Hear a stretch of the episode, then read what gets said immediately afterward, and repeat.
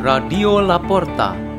The door is open for you for the growing of knowledge and wisdom of God.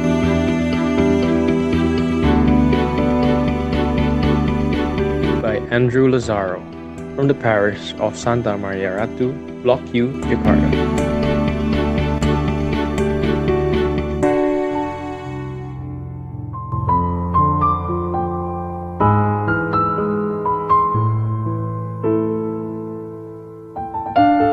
Reading and meditation on the Word of God.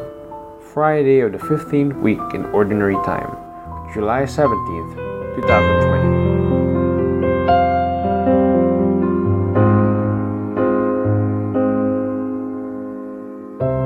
The Gospel of Jesus Christ according to Matthew. At that time, Jesus was going through a field of grain on the Sabbath. His disciples were hungry and began to pick the heads of grain and eat them. When the Pharisees saw this, they said to him, See, your disciples are doing what is unlawful to do on the Sabbath. He said to them, Have you not read what David did when he and his companions were hungry? How he went into the house of God and ate the bread of offering, which neither he nor his companions, but only the priests could lawfully eat? Or have you not read in the law that on the Sabbath the priests serving in the temple violate the Sabbath and are innocent? I say to you, something greater than the temple is here. If you knew what this meant, I desire mercy, not sacrifice, you would not have condemned these innocent men. For the Son of Man is Lord of the Sabbath. The Gospel of the Lord.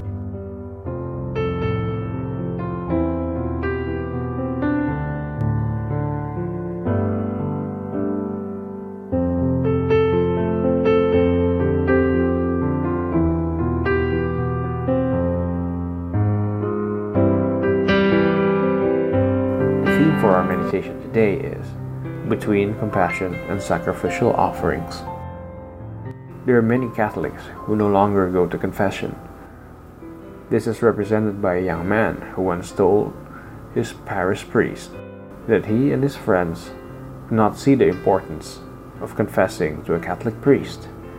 The young man has his own reasons. He believes that a direct confession to God is sufficient and is more secure in terms of privacy. Confessions of sins through a priest does not make any good sense anymore.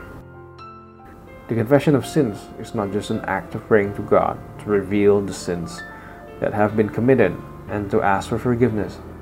The main point is an act of reconciliation and repentance that the penitent should do. Prayers for forgiveness are not sacraments of reconciliation and they cannot replace it. This special prayer is the same as all kinds of sacrificial offerings that believers normally do, namely, to give something as a sign of our faith and love for God. This is the same as giving something to our loved ones to respect and please them. An offering is merely a human act, so it solely depends on free will, choice, or taste of each person. Oftentimes, certain offerings are arranged or institutionalized in order to meet the wishes of the authorities or leaders. Therefore, the rules were made. For example, if the offering is some amount of money and the amount should be a tenth of your monthly income. Another example is in the case of burnt offerings, where the animal slaughtered must be a certain number and the conditions should be unblemished, and etc. The Lord Jesus Christ came to the world and he had the authority to replace all the existing rules with his own and self offering sacrifice.